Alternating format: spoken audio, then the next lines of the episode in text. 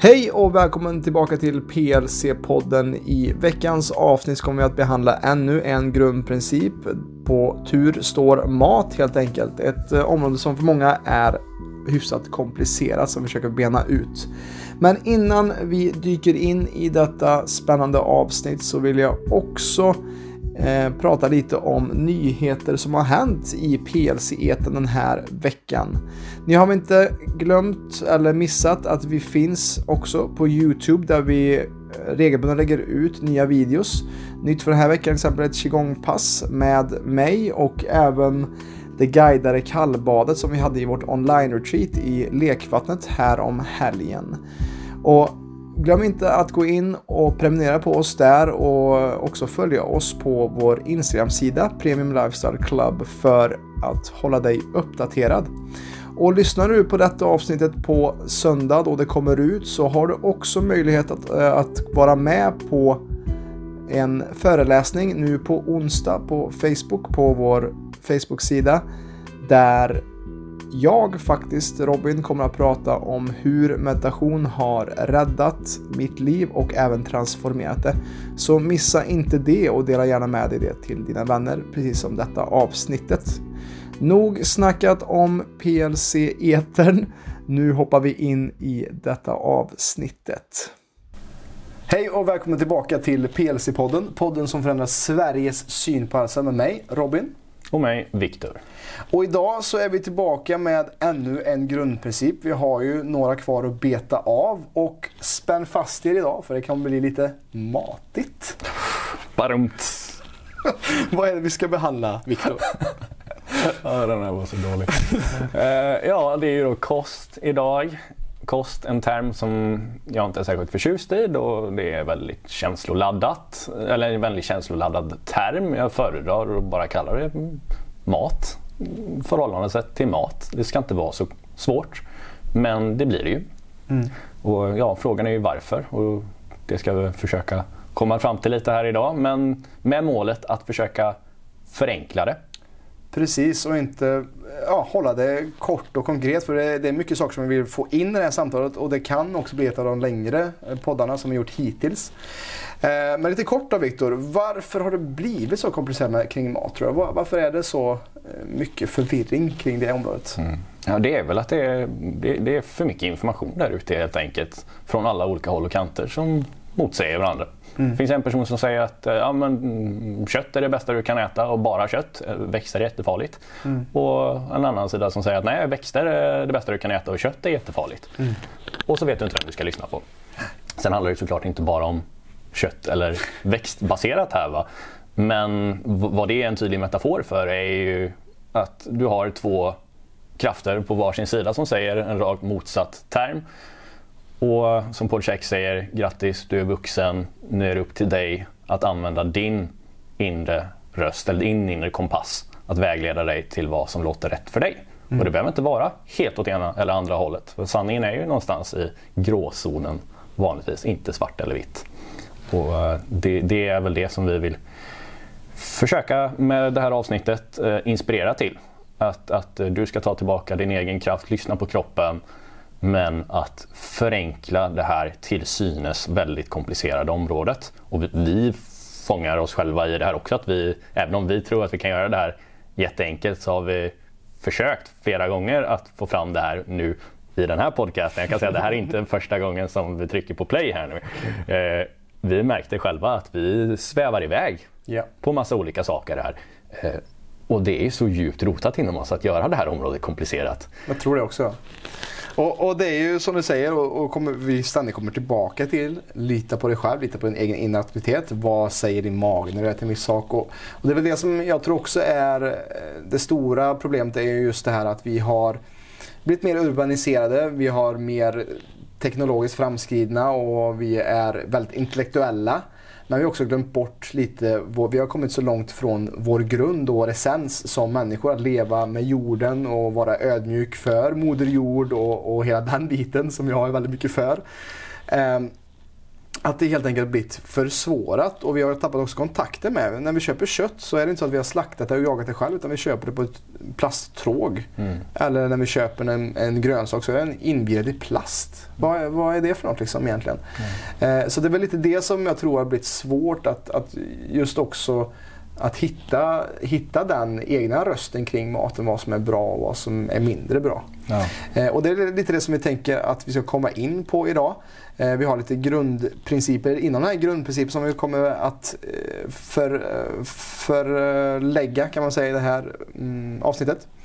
Och vi börjar helt enkelt med just det här att äta riktig mat från grunden och att ta bort halvfabrikaten i ditt liv egentligen. varför är det här så viktigt Viktor? Ja, det är ju så att eh, riktig mat bör kännas igen av någon för 300 år sedan eller 400 år sedan. Alltså om din gammelfarmor som Michael Pollan säger inte skulle känna igen det här som mat.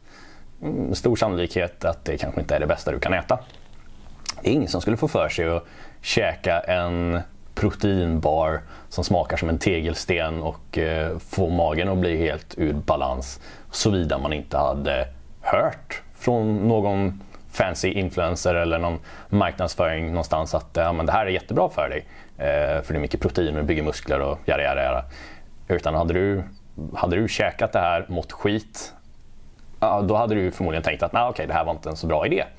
Men på grund av att du har gett bort din inre auktoritet till någon annan som säger att det här är bra trots att din kropp säger att det är fel. Ja, då, då, då, kom, då händer ju det här som, som vi gjort. Va? Vi behöver komma tillbaka till att lyssna på vad säger kroppen. Mm. Och Det här med att äta mat från grunden kom, precis som du säger, kom väldigt naturligt förr i tiden för vi odlade mycket av vår egen mat. Vi jagade. Vi hade åtminstone vi såg det åtminstone. Jag vet att du är uppvuxen på en bondgård. Liksom. Man, mm. man har kontakt med vart maten kommer ifrån. Precis. Och har man inte det så är det ja, såklart att du blir disassocierad från, från, från själva processen. Men eh, att man också då kanske är uppvuxen med att tro att nej, mat kommer från mikron eller mat kommer från eh, det här paketet som jag stoppar i mikron. Liksom. Att, ja, det gör det ju det försvårar saker och ting. Precis. Och, och, det tänker jag också just när det kommer till varför eh, från grunden är så viktigt. För att när vi börjar med så här halvfabrikat och saker som kan ligga på hyllan länge i en butik i ett kapitalistiskt system så är det jättebra för att då kan du, du behöver inte slänga maten. Men också tänka på vad händer då? Jo, då har vi eh, kanske stabiliseringsmedel och vi har konserveringsmedel och vi pasteuriserar, högpasteuriserar vår mjölk så att den ska hålla mer än 4-5 dagar som färsk mjölk brukar göra. Eh, och just det är också det som, det vet väl du lite, kanske lite mer om det här med just enzymer och sånt. Men mm. det är ju så när vi hettar upp någonting och sätter i en förpackning och vakuumförpackar och bla bla. Så gör det också att vår mat som vi äter blir mindre levande. Ja. Och vad händer då Victor när maten blir mindre levande? När vi har mer enzymfattig och mm. Eh, pasteuriserat och, och, värmt och sen förpackat. Ja, det är precis. Maten är mindre levande, den har mindre livskraft inom sig. Det innebär att du kommer få mer eller mindre energi av den. Det, det är bara att jämföra. Ät någonting som ja, kan hålla sig hur länge som helst. Känn hur du mår efter det.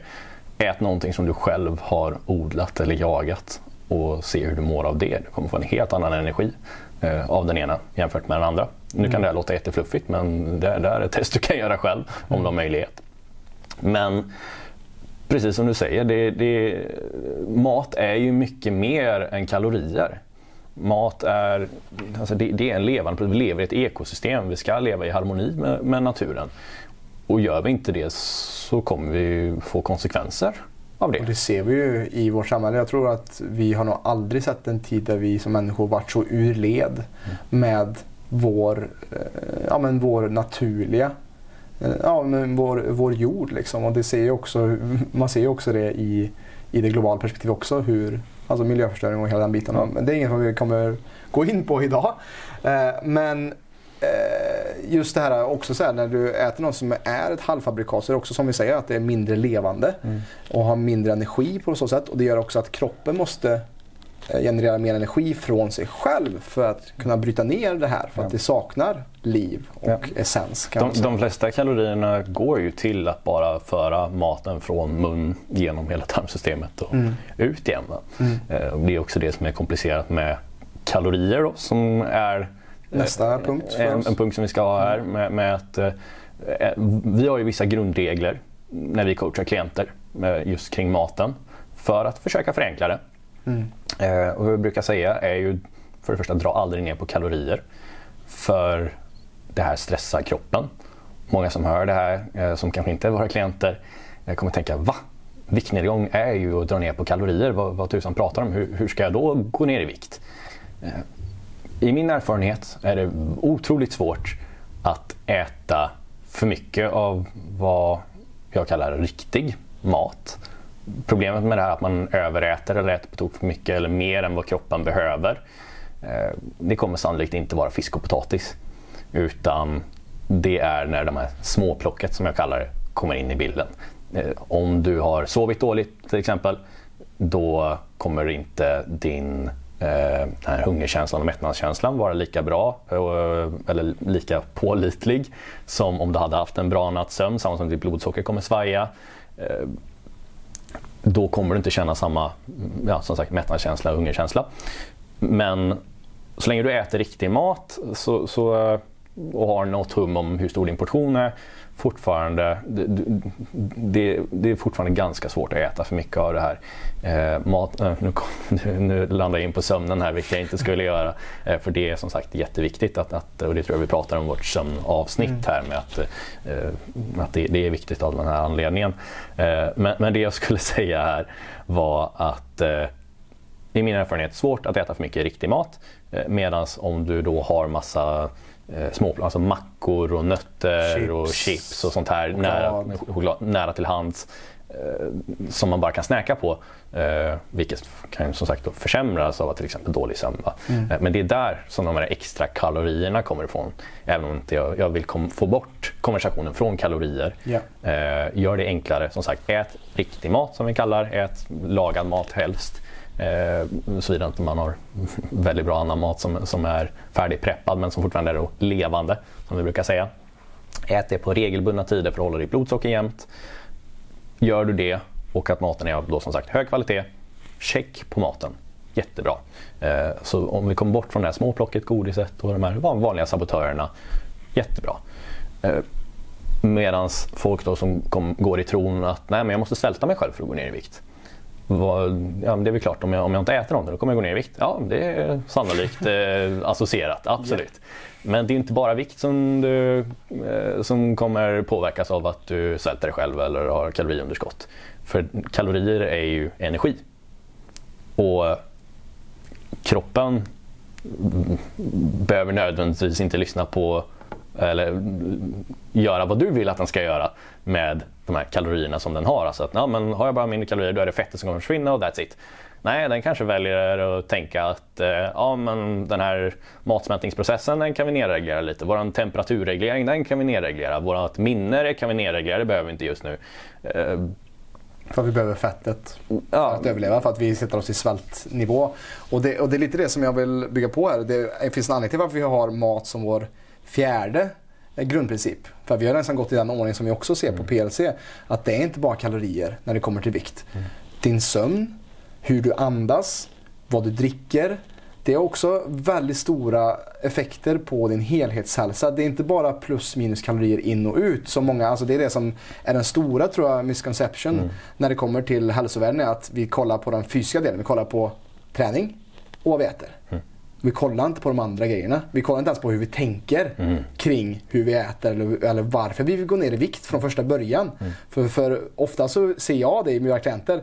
Det är ofta en brist på självkärlek och självacceptans. Därför vill man gå ner i vikt. Så det, ja, det vill jag säga. absolut, och sen kan ju det ha kommit från flera olika saker som har byggts på. Och jag menar, maten är absolut en viktig del av det här. Mm. Eh, men, men för att komma tillbaka till det här med vad kroppen gör med, med maten, alltså hur den behandlar maten och varför kalorier är så det, det, det, målar liksom inte, du kan inte bara kolla på kalorier för sagt, du vet inte vad din kropp kommer göra med dem. Utan när vi kommer tillbaka till det här som du sa med levande mat. om maten inte är lika levande, alltså om du inte har de här levande enzymerna som hjälper dig att bearbeta maten. Alltså det, bara för att du äter 2000 kalorier innebär inte det att du tar upp 2000 kalorier. Om din matsmältning inte funkar som den ska, det, det, är liksom inte, ja men stoppar in ett piller med 2000 kalorier i mig så har jag tagit upp 2000 kalorier. Utan hur mycket av det har du som sagt levande enzymer till till exempel för att, för att kunna be, eh, tillgodose dig näringen i någonting. Eh, näringen är inte alltid det som det står på Livsmedelsverket. Morot, så här mycket av det, så här mycket av det, så här mycket av det. Nej, det, det är det förmodligen inte alls. På grund av att du vet inte var den här moroten kommer ifrån. Det är inte så att en morot per definition har så här mycket C-vitamin, så här mycket av whatever. Utan det har att göra med jorden som den här moroten kommer ifrån. Yeah. Och ja, om, om det är näringsfattig jord, ja då kan jag lova att det inte kommer att ha samma näringsvärde på den här eh, moroten producerad på ett mindre bra jordbruk jämfört med den här biodynamiska ekologiska moroten som har all typ av eh, traditionell jordbruk runt omkring den och all näring i jorden som det ska finnas. Den kommer vara otroligt mycket mer näringsrik än vad den här andra moroten. Så morot som morot, man kan liksom inte jämföra det på det sättet. Därav svårt att bara veta, bara för att jag äter en morot har jag fått i mig det här. Eh, sen kommer den andra faktorn då som sagt med hur mycket kommer min kropp kunna få ut av den här moroten. Vilket beror på ja, enzymer i kroppen och hur ditt matsmältningssystem funkar. Etc. etc. Eh, för, för, att inte göra det här alltför komplicerat. Men, eh, det är många faktorer, det är det ja. vi kommer till. Men för att komma tillbaka till mat då. Mm. Eh, svält inte dig själv, det kommer stressa kroppen. Det kommer inte vara hållbart. Det är per definition kortsiktigt att svälta sig. Hade du tänkt att svälta dig själv resten av livet? Nej, förmodligen inte. Så om du är ute efter en hållbar förändring så är det en väldigt bra idé att göra det som du... Alltså, se din ideal eh, eller idealversionen av dig själv. Säg att du vill gå ner i vikt. Eh, säg att du väger 90 kilo i nuläget och din idealvikt för dig själv är 70 kilo. Du har 20 kilo att gå ner. Alternativ 1. Du svälter dig själv från 90 kilo ner till 70 kilo och när du väl är där, ja men då kommer det vara frid och fröjd för då kan, jag, då kan jag börja leva det här hälsosamma livet. Det är bara att jag måste få bort den här över, eh, övervikten nu. Och om den bara är borta, eller om jag magiskt kunde knäppa med fingrarna här och du får bort eh, de här 20 kilona. Tror du då att du som 70 kilos eh, perfekta jag hade behållit dem på grund av att du har den livsstilen som leder till 70 kilo? Om det är fallet, okej, okay, Alright, då kanske du ska prova att göra en så här kortsiktig grej. Men om du har provat det här tio gånger tidigare och du har gått ner men sen gått upp igen.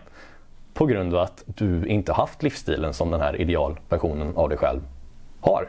Ja, då har vi inte gått till grundproblemet och det är därför som vi ser majoriteten av de som gör till exempel operationer och eh, ja, dieter och jojobantning. Eh, mm. De håller inte den här viktnedgången på grund av att de har gjort något per definition kortsiktigt. Så det vi förespråkar är Se idealversionen av dig själv. Vad är livsstilen som den personen har? Och sen så backtracear vi det helt enkelt. Eller back-engineer. Reverse engineer. Reverse engineer heter det. Jag kommer mm. inte ens ihåg ord, eller på ordet på svenska. Eh, men gör du detta, och det är det som vi försöker göra här. Den här personen kommer förmodligen ha en bra relation med att äta riktig mat regelbundet. Det är inte så att den personen svälter sig själv varannan Nej. vecka för att uh, hålla den här vikten. Va? Det, det, är inte så det ska vara. Mm. Utan den här personen förhoppningsvis har en bra relation med mat, äter regelbundet, uh, så som du vill leva. Helt enkelt. Med, för dig själv och din familj och ja, din, vad som passar in i din situation. Liksom. Mat kommer vara involverad i den på något sätt. Och förhoppningsvis så har du ett trevligt uh, förhållandesätt till det. För mat ska inte vara så känsloladdat. Det är det för många men om vi kommer tillbaka till den här enkelheten och att man kan börja njuta av maten istället. Det ska vara gott, det ska vara gärna i sällskap om man har det privilegiet att, att, att ha vänner och familj runt omkring sig. Njut av maten, det är mitt främsta tips ofta kring maten för att få koll på det här. Lär dig älska matlagning eller bli, lär dig njuta av att stå i köket och börja bry dig om, skapa en relation med maten du äter. Alltså bry dig om jordbruket, bry dig om kvaliteten på det och sen uppskatta vad det kommer göra för dig. Exakt. För det är ju, det är ju så att, att just eh, många är slavar för sin mat. Alltså många är så eh, inrutade i att det måste vara på ett visst sätt. Och att det tar över hela ens liv. Eh, och det är det som vi vill komma ifrån också, att man inte ska behöva räkna kalorier. Alltså äter du riktig mat, som det, typ det som vi rekommenderar till våra klienter, om du håller inom de ramarna så finns det också alltså, spelrum för att man kan, man kan också unna sig något gott ibland som kanske inte är inom rekommendationerna. Vi kan ju säga det, 80-20-regeln. Mm. Liksom, att, att tar du medvetna, val 80-90% av dina val, vare sig det är kring sömn, kring vätska, kring mat, alltså allt i livet.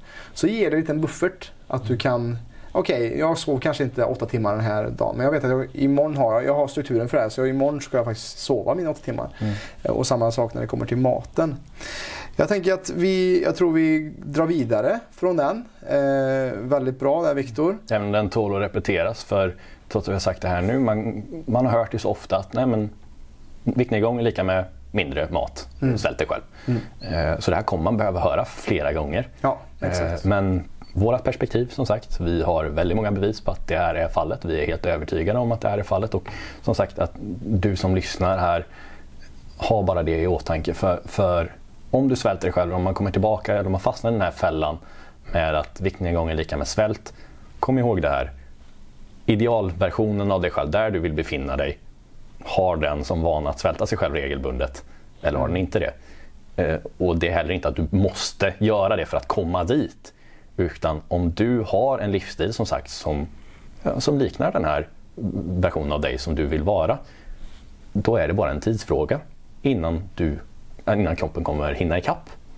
Alltså, du, har gjort val, du gör val med att gå och lägga dig i tid, ha som sagt den här bra relationen med mat, du lär dig hantera stress Eh, och ja, men rör på dig regelbundet. Alla de här principerna som vi pratar om. Eh, du har en hälsosam livsstil helt enkelt du är helt perfekt. Det är ingenting i dig som saknas. Vad du än kan tänka att du har för diagnos eller eh, vart du befinner dig och hur mycket man har gjort tidigare. Liksom. Det, det, du saknar fortfarande ingenting. Utan det du behöver är att få ordning på de här grundprinciperna och sen ge det tid. Men det är det som är problemet för de flesta. Att man gör en förändring under en kort tid och så går man och väntar på resultat så händer ingenting på, på några veckor. Eller så händer det lite på, på några veckor och sen så, ja ah, men vad bra, nu har jag fått det här och då går jag tillbaka till mitt gamla. Mm.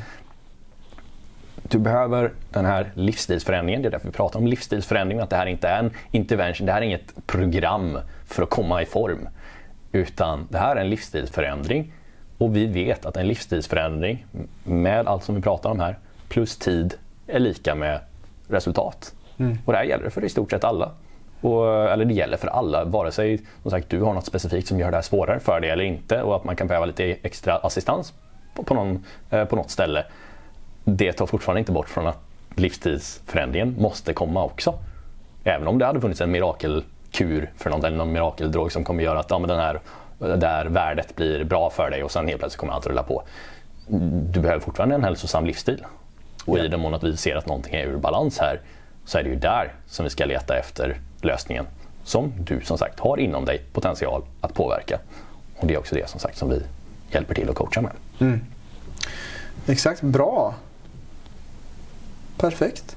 Jag tänker vi går vidare. Jag har ju faktiskt en, en lapp här för första gången i, i historien av podden här för att vi vill ju, det kan bli så stort ämne det här med mat. Så att, och vi har redan varit inne på det här, lyssnat lite på din kropp och inte på någon marknadsförare eller någon flashig influencer. Att jag har skrivit här mage och energinivå. Mm. Lyssna på vad din mage säger när du äter någonting. Om du har problem med eh, gas eller någonting när du äter någonting då är det ju ett stort uh, tecken. tecken på att någonting är fel.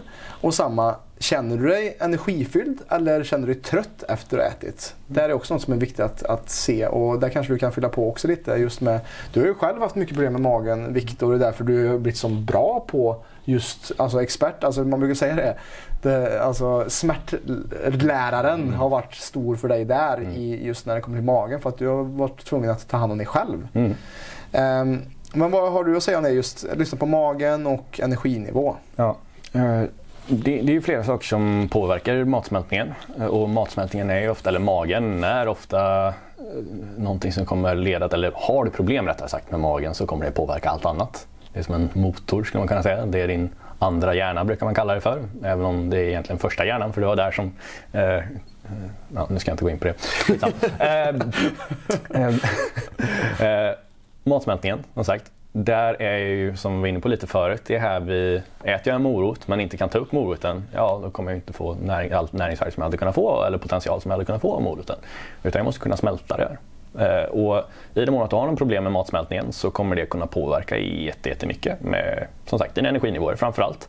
Eh, det vanligaste då när man äter någonting som man blir, eller om, om du har väldigt mycket, du blir väldigt trött efter att ha käkat någonting. Eh, vanligtvis som sagt så är din matsmältning påverkad. Och det kan vara dels på grund av vad du äter, alltså att du har problem att smälta det. Ofta då att det kanske inte är den här levande maten. Ju mer levande mat, desto enklare, desto mer hjälp får vi med att bearbeta det. Som sagt har vi enzymer både i maten och mm. våra inhemska enzymer. Då. Yeah. Sen stress är alltid den största grejen såklart. Man, ja, du äter men det är mer att du slänger i dig någonting på, på stående fot. Va? Du tuggar inte ordentligt. Du, som sagt, du är uppe i varv. Matsmältning är ju en parasympatikumprocess. Vilket innebär att eh, vi vill vara nere i varv för att främja en bra matsmältning. Är vi jätteuppstressade, jätteuppe i varv, ja, då kommer matsmältningen vara påverkad. Så det börjar som sagt med att vi sitter ner, tuggar maten och att maten då helst har lite energi att ge oss. Eh, eller att vi, att vi kan ta upp den här energin som sagt på grund av att vi har de här levande organismerna i den som hjälper oss att tillgodose oss näringsvärdet i den helt enkelt. Eh, Sen kan det vara att man proportionerna som man äter på saker och ting, alltså hur mycket protein mot fett mot kolhydrater behöver jag i varje måltid och det här varierar väldigt mycket från person till person. Det varierar från dag till dag, mm. från timme till timme beroende på min aktivitet, temperatur, känslomässigt. Det är hur många faktorer som helst här. Och det blir så otroligt komplicerat om du ska se det på det här att försöka lista ut det matematiskt eh, alltså, i varje hjärnan. Ja, men alltså, det, det, det, är omöjligt att göra den här kalkylen varje gång egentligen. Och det är därför som vi inte kan använda oss av det. Det är därför som ja, det här moderna vetenskapstänket inte främjar oss i den här situationen. För här behöver vi lyssna på kroppen. För det är så många som sagt olika variabler som om vi skulle skriva ner det så hade det blivit, ett, det hade blivit som en uppsats bara för att komma fram till vad är rätt val för mig här om man som sagt bara logiskt ska försöka lista ut det. Utan det här måste vi gå på intuition. Eh, vad känner jag att jag behöver? Och sen att vi såklart får experimentera oss fram också. Men vad känns rätt? Liksom? Nej, men jag tror jag behöver ungefär så här mycket. Och sen lyssna på kroppen det, det, kommer komma ganska naturligt om du har ett stort smörgåsbord framför dig. Eh, med att ja, men jag känner för ungefär så här mycket kött, eh, ungefär så här mycket grönsaker och ungefär så här mycket eh, potatis säger vi. Uh, den klokheten finns inom dig. Och om man väljer att lyssna på den och sen också faktiskt inte för att man är uppvuxen med att du måste äta upp allt på tallriken. Alltså att faktiskt lyssna på när kroppen känner att det är nog. Mm grattis, nu, du, du har följt vad kroppen sa att du behövde. Du, ja, du, du behövde inte ha mer än det här. Du kommer sannolikt må ganska bra om du har följt de här reglerna med maten. Och det är det som egentligen ska vara enkelt, men ja, av flera olika orsaker. Bland annat som sagt att maten inte är levande längre, att vi ja, äter upp allt på grund av att vi är uppvuxna med att rensa tallriken annars är du ouppfostrad. Och att vi är jättestressade. Mm. Eh, eftersom de inte sitter in eh, så ja, blir det här komplicerat. Just det. Ja, och jag har inte så mycket att lägga till där. Jag tyckte det var ganska inklusivt eh, och viktigt. Eh, någonting som jag vill komma vidare in på när vi snackar om det här eh, när det kommer till kring mat så tänker jag att vi kan komma in på lite vanliga sabotörer som vi ser i, eh, i vår kost. Eh, och vi kanske inte ska gå in på djupet på varandra en men kanske lite kort om varför just den här saken är inte så bra. Ska vi börja med, vi kan börja med kaffe? Kaffe? Ja. Ja, absolut. Eh, nämnde vi ju en hel del i vårt förra avsnitt om vätska. Men kort sagt att det stressar upp oss mm. en hel del och som jag sa, matsmältningen är en parasympatikum, den avslappnade, alltså den avslappnade delen av nervsystemet. Eh, Eh, ansvarsområde. Så om du då konsumerar någonting som är väldigt uppställande för kroppen kan ju det såklart påverka din matsmältning väldigt mycket. Och sen att det är en väldigt irriterande substans också. Så om du har problem med magen så är ju kaffe som sagt en vanlig bov på det sättet. Eh, men eh, men andra vanliga sabotörer, eller så som vi brukar introducera till våra klienter mm. eh, när vi pratar om mat. Eh, för vi säger ät riktig mat. Mm. Och vad menar vi med det? Jo, det är det som vi har pratat om här med något som dina förfäder skulle känna igen som mat som inte har allt så många mellanhänder mellan produktion och konsumtion. Och sen som vi sa också undvik de här vanliga sabotörerna. Och vad menar vi då med sabotörer? Som sagt kaffe är en av dem, eh, även om det är i vätskeområdet. Ja, eh, om, om, vi tänker just matväg här, vanligaste sabotörerna som brukar nämna är socker, eh, det är vegetabiliska oljor, eh, moderna industriella vegetabiliska mm. oljor, inte olivolja. Eh, och eh, sojaprodukter. Och inte heller kokosolja också? Ja precis, kokosolja där Kokosolja och olivolja. Så socker, moderna industriella vegetabiliska oljor, sojaprodukter, mejeriprodukter i för stor utsträckning. och det är av den största anledningen då att det är homogeniserat och pastöriserat. Det är inte mjölk direkt från kon. Eh, utan den är inte levande då längre, tyvärr. Mm. Det är de främsta.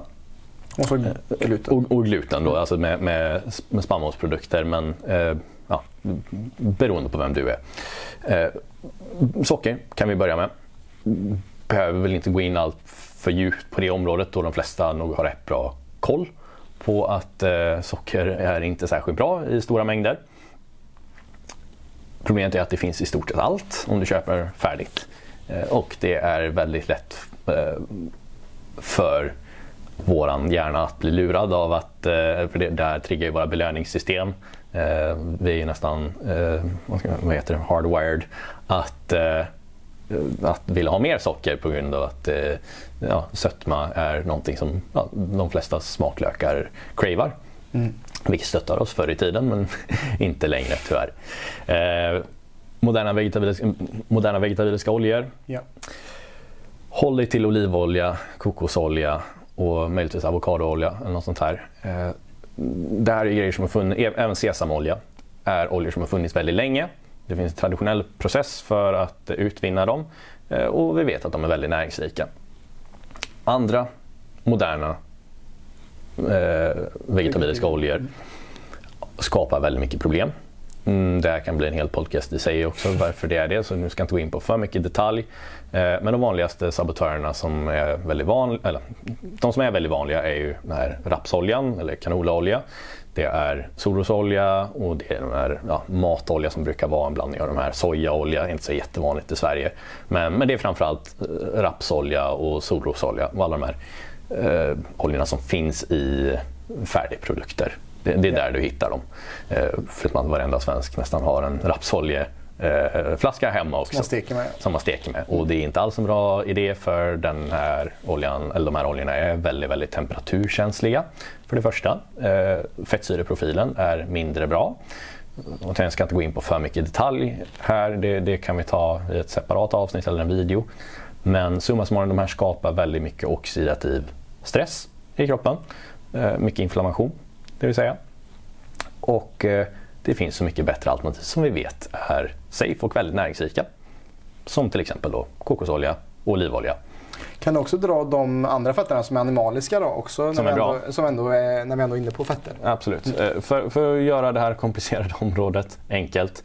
Håll dig till talg förslagsvis. Talg, ghee och kokosolja om du ska steka varmt. Eh, vid lägre temperatur då är det olivolja som är jättebra, eller alla de här är jättebra vid lägre temperatur också. Men olivolja och smör funkar också då på lite lägre temperatur. Problemet är när oljorna når sin rökpunkt eh, eller när smöret blir brynt. För då, blir det, ja, då ändrar det strukturen på det helt enkelt och det blir mindre bra för oss, enkelt sagt. Yeah. Eh, vad jag personligen brukar steka i är talg. Om jag, eh, om jag ska steka lite varmare. Som sagt, i lägre temperatur brukar jag använda smör och olivolja. Så förslagsvis hemma i kylskåpet och eh, i skafferiet ha olivolja, smör, talg, möjligtvis kokosolja då, eh, möjligtvis ghee. Mm. Har du det hemma, jättebra. Fett kommer inte vara ett större problem, eller det kommer inte vara problemet för dig. Just det. Vad ska vi, då går vi vidare. Vad var nummer tre som du sa? Var det mejeri eller var det... Ja, vi kan ta mejeri. Ingen specifik ordning. Nej, eh, som sagt, mejeriprodukter skapar en hel del problem för många. För det första är många väldigt känsliga mot det. Det är en väldigt vanlig eh, eh, något som man kan vara allergisk mot eller ha känslighet mot rättare sagt. Mm. Eh, samma med gluten och eller framförallt vetegluten. Eh, det kommer skapa problem. Alltså om du är känslig mot någonting så kommer det skapa inflammation. Och eh, sen är det lite andra problem med, med mejeriprodukter som bara kommer från att det är en mejeriprodukt. Om man vill gå ner i vikt till exempel eh, så är det mindre bra att konsumera stora mängder eh, mejeriprodukter då det, då det promotar tillväxt. Enkelt sagt, det, det, det kopplar på en mekanism som kallas för IGF, eller det bidrar till en mekanism som heter IGF-1 eller insulinliknande tillväxtfaktor på svenska helt enkelt få saker och ting att växa. Jag brukar säga att det är väldigt effektivt på vad det är av naturen avsett att göra. Få små kossor att bli stora feta kossor så snabbt som möjligt. Därav, om man vill gå ner i vikt, mindre bra idé. Sen eftersom som sagt många är känsliga mot det så är det ofta att det kan bli eh, slembildande. Det har nog många upplevt om man dricker mjölk till exempel eller äter mycket mejeriprodukter. Att man harklar sig och att mm. det blir lite mer slembildande. Man kan bli lite tät i näsan av det till exempel. Eh, och lite andra saker. Hudproblem, väldigt vanligt. Magproblem, Ja. Väldigt vanligt. Med det sagt är det väldigt gott med ost. Eh, och jag säger inte att man ska sluta äta mejeriprodukter helt och hållet. Utan bry dig om kvaliteten och sen att du helt enkelt välj dem med omsorg. Alltså njut av det då och då, 80-20 här. Som sagt, mm. det är väldigt näringsrikt. Problemet är ju då som sagt om du inte kan tillgodose dig näringen. Då återigen om det inte är levande, alltså att det har blivit pastöriserat och homogeniserat och allt det här. Va? Eh, så kan det vara problematiskt. Om det är något som skapar mycket besvär med dig, ja då får man ändå ta ansvar över det och eh, undvika det i så stor mån man kan. Eh, men för de flesta, framförallt här uppe i Norden, så brukar vi kunna tolerera det rätt bra. Så måttlig mängd brukar vara helt okej okay, mm. På det området. Sen är det väl soja då. Mm. Också ett stort, eh, eller kan också prata om väldigt länge. Men eh, kort sagt, om du tror att soja är hälsosamt, eh, hälsomat på grund av att det promotas som det vegetariska källor. tänk om. Soja är en, och framförallt om man tror att det här är för miljöns skull, att man ska äta mindre kött och äta soja istället. Soja är väl den grödan kanske som har mest klimatpåverkan. Och där finns också otroligt många artiklar och böcker skrivet om. Mycket besprutningsmedel också. Och världens mest besprutade gröda. Precis. Precis. Eh, majoriteten har det också genmodifierat och det kommer också med sina problem. Eh, sen att det är eh, det bidrar till, eller det påverkar ditt östrogen väldigt mycket. Eh, så i den mån att man vill ha hormoner i balans, bra idé att undvika. I den mån att man inte vill ha alla besvär med, med besprutningsmedel, bra idé att undvika. Och sen att det också eh, det hämmar proteinupptag faktiskt. Eh, det, det, är lite antagonism mot en enzym som hjälper dig bryta ner eh, protein. Så ju mer soja du äter desto mer svårigheter har du att bryta ner protein överlag. Eh, behöver inte gå in på mer detalj med soja men om du ska äta soja så ska du konsumera den så som det traditionellt sett blivit konsumerat. Eh, av vilken eh, ursprungskultur som någonsin konsumerat soja. De har alltid fermenterat den eh, och det har ju alltid då varit ekologiskt. Så att den inte är genmodifierad, är den ekologisk då, då ska den inte vara genmodifierad. Men sen att den som sagt blivit fermenterad då. Och för enkelhetens skull vad det här innebär för dig. Vill du ha en sojasås, använd den som heter tamari den har blivit lagrad i minst sex månader. Sen finns det andra, de flesta japanska sojasåser har blivit lagrade i sex månader. Eh, så kika på paketet, är den eko och är den japansk och den har blivit lagrad, då är den mm. okej. Okay. Sen behöver man fortfarande inte konsumera för mycket av det, men, men den är helt okej okay att njuta av. Yes. Då då. Medan eh, något som tofu till exempel bör man dessvärre undvika. Även om det är en smidig lösning för vegetarianer som vill ha mer protein så kommer det med mer problem än, än fördelar Eh, i min mening. Sen får man göra sina egna val här såklart. Men, men jag skulle råda om att eh, hitta andra bättre källor mm. än soja för, för att få sin näring. Yes. Bra, ska vi gå vidare med gluten? Mm. Gluten och spannmål. Eh, också väldigt vanlig känslig, eller något som man ofta är känslig mot. Så har du besvär med magen, jättebra idé att, eh, jättebra idé att eh, testa och se om det här är någonting som du mår bättre av att undvika. Och det är ofta lösningen för det mesta med, med eh, om du tror att något är dåligt för dig. Ja, men ta bort det då. Ta bort det under en period och se till att det är enda förändringen som du har gjort i ett par veckor. Mår du bättre, toppen, då, då vet du. att det här var något som, du behöver inget test som säger att du var känslig mot det här utan du kan känna efter på två veckor. Hur mår du av att inte göra det? Ja men gött, då vet du. Lyssna på det. Och sen kan man gradvis börja introducera saker igen då, och så se hur det påverkar helt enkelt. Eh, sen är det ju stärkelse framförallt. Då, i, eller problemet med, med spannmål överlag, är, för det går ju tillsammans med socker här, då, är stärkelse i för stor mängd en av de sabotörerna jag kommer på nu som jag har missat där. Mm. Eh, säga, socker och så stärkelse i för stor mängd av den anledningen att det bryts ner till socker. Eh, som någon tidigare följt eh, den här GI-metoden det pratar om hur snabbt socker eller stärkelse blir till socker. Mm. Ju högre GI-värde desto snabbare ja. omvandlas det till socker i kroppen. Exakt. Eh, med, med all stärkelse som du äter kommer förr eller senare omvandlas till socker. Det är liksom det som händer med det. Eh, så därav är det jätteviktigt att hålla rätt proportioner med, med, med stärkelse. Och I den mån att du vill gå ner i vikt så är det här oftast som sagt en mindre del av tallriken.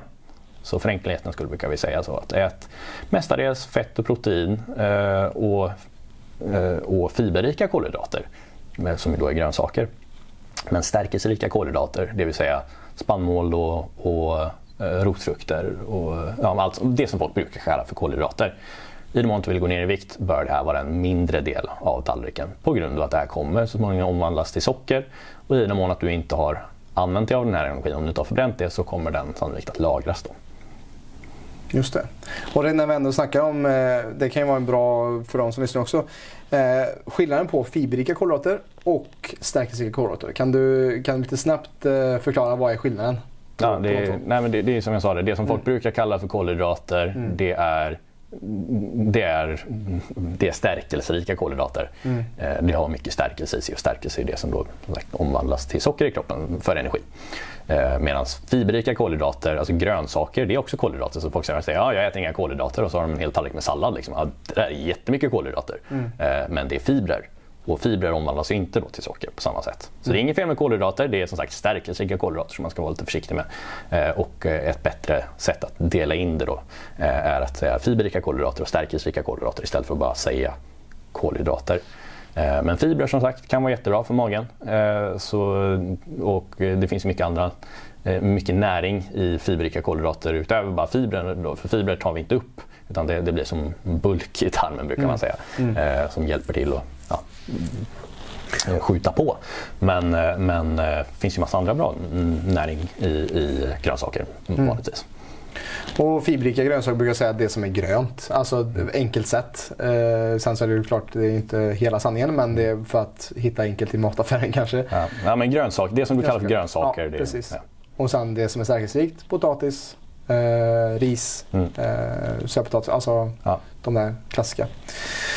Eh, ja, Eh, vad, vad, tänker vi mer då kring just, du snackar lite protein, fett och kolhydrater med sammansättningen på tallriken. Mm. Eh, det kan vi också kanske förtydliga vad, vad, hur mycket andel som vi brukar rekommendera våra klienter till exempel att, mm. att ha på sin tallrik. Ja, det, det är just det att du, ingen kan säga hur mycket du behöver, vad som är perfekt för dig. Man, någon dietist kan skriva ner på ett papper att ja, men, matematiskt så är det så här mycket du ska äta. Så här många kalorier, så här mycket kolhydrater, så här mycket där, där, där, där.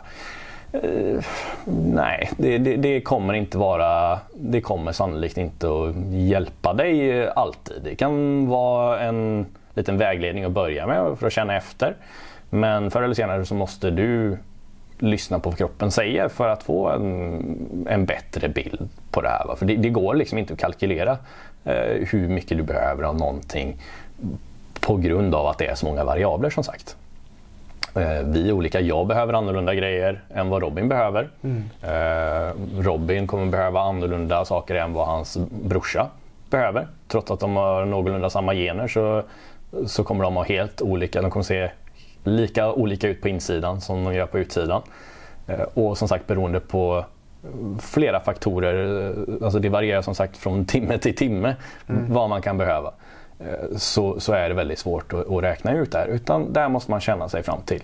Men en bra regel att följa är ju då som jag sa här att majoriteten av din tallrik bör i den mån att du vill gå ner i vikt vara fett och protein. En mindre del stärkelserika kolhydrater och grönsaker beroende på hur mycket som du känner att du behöver. Mm. Och, eh, för det är en grej, vissa kan vara känsliga mot fibrer. Eh, om man har magproblem till exempel. Nu ska jag inte prata om det utan det får bli ett separat avsnitt när vi pratar om magen. Men, eh, men eh, överlag om du vill gå ner i vikt så är det en väldigt bra idé att försöka förhålla sig till lite mer protein och fett. mindre stärkelse och ja, en lagom mängd grönsaker. Och samma sak här, det här får du känna efter. Hur mår du av det här? Eh, och anpassat därefter. Ju mer aktiv du har varit till exempel, desto mer socker kanske du behöver. Eller ju mer aktiv du ska vara, då kanske du behöver lite extra kolhydrater för att liksom få lite extra umf. Eh, ju mer, eh, jag brukar känna det att ju mer jag har tränat, desto mer protein behöver jag. Och det, det här är ju också ganska rimligt. Alltså om du bryter ner och vill bygga muskler, ja, då behöver du byggstenar för det, så då är det en jättebra idé att äta mer protein. Ja. Men vad, vad det kommer tillbaka till här är att lyssna på kroppen. Mm. Och, uh, vi kan ge de här riktlinjerna här nu. Uh, och det är där som jag tycker man ska börja. Men vad vi måste komma till är, för att knyta ihop säcken här till det vi pratade om i början, att uh, du behöver lyssna på din inre auktoritet. Vad säger din kropp är rätt? och Ja, absolut. Om kroppen säger att det är chips och godis som den vill ha, då, då, då, är den förvirrad tyvärr. Och då kan det vara bra att använda sig av lite regler här tills man kommer i balans med ditt blodsocker. Eh, och det har som sagt mycket att göra med att du ska ha sovit bra, att du ska ha koll på dina stressnivåer, att du ska sitta ner, tugga maten eh, och att du äter ja, någorlunda rätt proportioner som sagt. Eh, I, I vår erfarenhet så är det också bra att man äter majoriteten av sin mat tidigare på dagen. Så den här regelbundenheten är jätte, jätteviktig. Ät frukost, ät lunch, ät middag, ät kvällsmat. Eller om du känner att du inte är hungrig, ät inte. Men om du behöver, om, om din kropp skriker efter mat, då är det en bra idé att äta. Mm. Och så att du då äter så att du håller dig till nästa gång du ska äta. Och att man kanske inte går på utbestämda tider. Även om det här är ju lite problemet då kanske med en modern livsstil att eh, vi, eh, vi jobbar och min rast är här. Så jag måste jag kan inte äta när jag egentligen vill för jag har inte rast då. Eh, så det är jättebra att man försöker, eller det bästa är ju såklart att anpassa sitt liv efter att man kan äta när kroppen känner att det är rätt. Eh, om man inte har så mycket flexibilitet med jobbet, ja, då får man försöka och göra sitt bästa med att äta lite mer kanske så att man står sig till nästa måltid. Men mm. någonstans så är det här någonting som jag tycker att man, man, man måste lyssna på kroppen här och du ska, alltså, din hälsa är mycket viktigare än vad jobbet är. Eh, även om absolut, jag säger inte att man ska säga upp sig bara för att kunna äta på rätt tid. Men att, eh, om du kan ta den här konversationen med eh, din arbetsgivare eller om du, så att säga, om du styr din, om du har flexibilitet. Se till att äta när kroppen känner att det är rätt. Och följer du de här reglerna som, som vi säger här så kommer det generellt sett vara med 4 till 5 timmars mellanrum ungefär. Mm. Eh, så, så, vad jag brukar säga är ät en ordentlig frukost så du står dig till lunch, ät en ordentlig lunch så du står dig till middag. Problemet är ju då som sagt om du har en pendling däremellan och att det blir väldigt långt mellan lunch och middag. Då är det ju där som ett mellanmål eller extramål som jag brukar kalla det kan komma in. Mm. Eh, så förslagsvis ta med två luncher i det här fallet. Ät den ena innan du åker hem. Så att du liksom inte står där vid spisen vrålhungrig eh, för att det har gått 6-7 timmar sen du käkade en lunch som kanske inte ens var tillräcklig. Uh, och ja, då är det inte konstigt att man småäter under tiden. Så. Och det är oftast det som är problemet med klienter som vi också kanske har som har det tänket att jag ska dra ner på kalorier, så jag mm. skippar frukost mm. och så kanske lite lunch. Mm. Och sen ska man hem och så är man just det här vrålhungrig och man äter en jättestor middag och kanske har också köpt sötsaker på vägen hem mm. för att man är så här, hur ska jag, ja jag behöver någonting. Ja. Eh, att vi behöver sätta grunden för dagen med en, en robust frukost i den mån man vill ha mer, alltså en regelbundenhet kring det. Eh, för vissa kanske det funkar med en så här korttidsfasta men det är också i den mån man är i balans. Vi kommer inte gå in på det i det här samtalet alls. Det, det kan bli för långt det också. Och det här med mellanmål är också viktigt som vi brukar säga att det är bra att det blir också, alltså inte bara något litet så att det blir svårmättat, att det kan bli något lite mer rejälare. Mm. Och någonting som, kan, ja, som jag tycker är bra också, som du också får gärna fylla i här Viktor. Det är just att man när man väl äter mellanmål någonting, att det inte bara blir en frukt, att det bara inte blir en, någonting som är bara kolhydrater eller som är snabb kolhydrat. Mm. Eh, kan du berätta varför det är viktigt att också ha något som är fett och proteinrikt ihop med kolhydrater? Mm. Eh för det är det här som många är kanske lite indoktrinerad med att man, ja, men jag måste äta frukost, sen äter jag mellanmål, sen äter jag lunch, sen äter jag mellanmål, sen äter jag min nästa måltid och så ja, en frukt däremellan. Liksom. Mm. Anledningen till att man känner att man behöver äta så ofta är ju för att ditt blodsocker åker karusell. För du äter massa socker som skjuter ditt blodsocker i höjden och sen så kraschar det och då måste du ha något snabbt. Så för att bryta det här så är det ju då som sagt att vi kommer tillbaka till att äta majoriteten protein och fett eh, och den mängden kolhydrater då, som sagt som vi behöver men som helst då som sagt är lite långsammare. Eh, och att åtminstone är i samband med protein och fett för det kommer sakta ner det här blodsockersvaret. Eh, för även om någonting kanske har ett högt GI, om du äter det samtidigt som du äter protein och fett så kommer det det, då kommer det bli klumpsumman av det här mm. istället för bara den här kolhydraten. Liksom. Yeah. Eh, så istället för att sagt, äta snabba eller saker som förbränns väldigt snabbt, alltså så att du, du får högt blodsocker med ja, väldigt korta mellanrum så att du känner att du måste äta hela tiden. Ät någonting som du känner att du står dig på tills nästa måltid. Eh, och precis som sagt, då är det ju inte en frukt vanligtvis som är en bra idé, utan det är ju socker som, som du tar upp ganska snabbt. Eh, istället den bästa mål, äh, mellanmålen brukar jag säga bör vara i kylskåpet. Eller det bästa mellanmålen är en del av din förra måltid eller rester i kylskåpet. Mm. Det, det kommer vara mycket bättre. Du kommer stå dig mycket bättre på det. Eh, och meningen med mellanmål är inte att du ska, tycker jag, inte är att du alltid ska försöka att finjustera från din, eller att du, du ska kompensera för en tidigare mindre bra måltid. Utan försök istället äta rejält, regelbundet så att du inte känner att du behöver allt för många. Mellanmålet ska komma in där, eller extramålet som jag kallar det för, Eh, ska komma in på grund av att ja, men det blir dåligt med tajmingen just nu så nu behöver jag någonting här för att hålla mitt blodsocker jämnt. Men det innebär inte att du ska ha satt ditt blodsocker ur spel från första början för att du började dagen med, eh, med macka och cornflakes och sylt. Liksom. Mm. För då kommer du behöva absolut någonting snabbt därefter igen eh, för att ditt blodsocker kommer att ha kraschat. Och om du då bara käkar en macka och en frukt där, ja då kommer du snart bli väldigt hungrig igen. För sagt, du kommer ha du kommer ha studsat blodsockret från att gå ner till upp igen och så kommer det gå ner igen för att det här var bara snabba kolhydrater i stort sett. Och det är den här karusellen många går igenom då. Istället, ät en ordentlig äggröra eh, så att du står dig utan problem till lunch. Och ät tillräckligt för övrigt, inte kanske två ägg och ja, jag vet inte, någon, någon paprika. Liksom, ät dig mätt. Ät dig mätt, precis. Ät dig mätt och, så du håller dig till lunchen. Och samma sak där, försök hålla de här proportionerna. Och om du behöver lite mer kolhydrater, absolut. Men det ska ju komma som sagt tillsammans med högkvalitativt fett och protein så att du står lite nästa måltid. Mm. Bra, men det räcker väl där egentligen. Alltså, jag känner att vi har gjort vårt bästa för att göra det här området så lätt som möjligt. Men jag märker här att det är väldigt, väldigt svårt. Det är många parametrar vi skulle kunna dyka så långt in i och bara ja. gå in i varenda liten grej. Och, och just att eh, vi försöker göra det här i en konversation mellan oss här där vi försöker gå igenom massa punkter men vi märker hela tiden att det är så många grejer man kan sväva in på. Mm. Och just det här formatet märker jag är lite svårt att, att få fram alla de här budskapen på ett strukturerat, konkret sätt. För att som sagt det är så många variabler och, och, och, och saker som, som kan spöka med det här som man vill gå igenom. Jaha. Så, så jag, jag, misstänker, eller jag är garanterat säker vi kommer ju göra mycket eh, det, här kommer ju vara något som vi pratar om flera gånger i flera avsnitt och jag tror även vi kommer göra videos om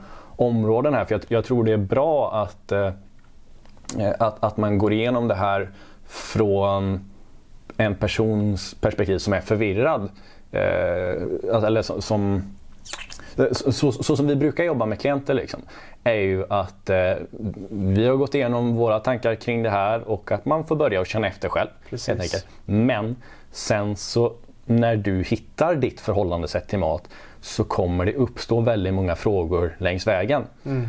Och Jag tror det är också ett bra format att förmedla det här med att vi, vi pratar om det här nu men att vi också sen kommer svara på frågor som uppstår och att man helt enkelt följer med, alltså att man har väckt intresset för att tänka på ett annat sätt kring mat. Och sen tror jag bara att man egentligen behöver dyka ner i den världen med det tänket. Alltså lyssna på oss från flera olika perspektiv. Lyssna på personer som har lite ja, men sundare, klokare perspektiv kring maten.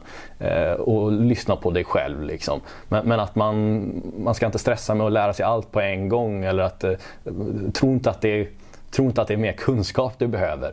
Utan i min erfarenhet, eh, eller i vår erfarenhet tror jag, så är det mer tänket kring mat som behöver förändras och inte det att man behöver lära sig mer. Mm. Precis.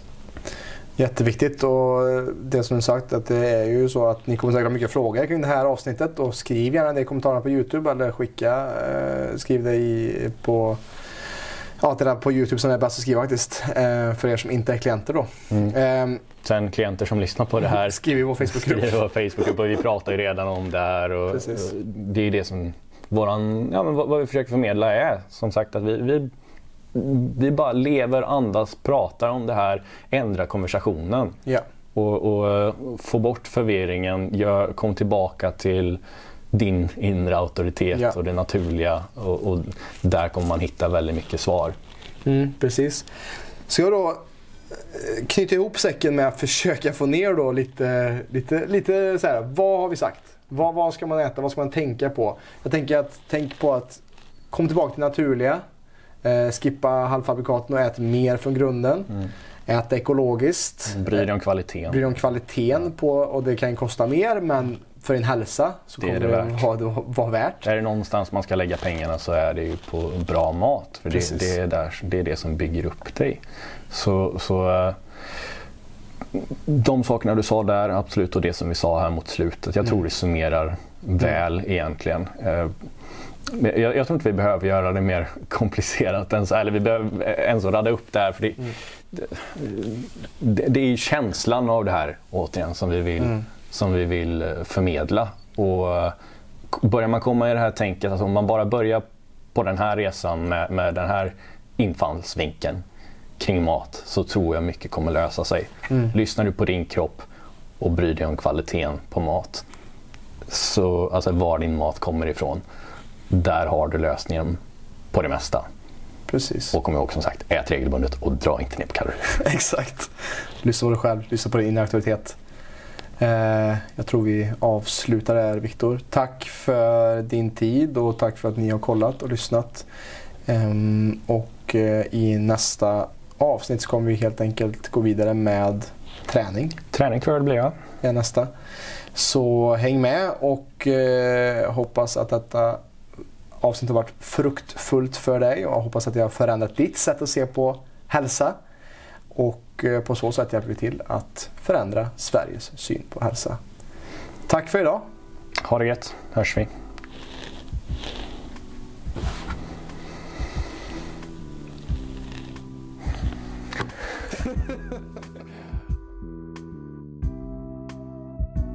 Tack för att just du har lyssnat på detta avsnitt av PLC-podden.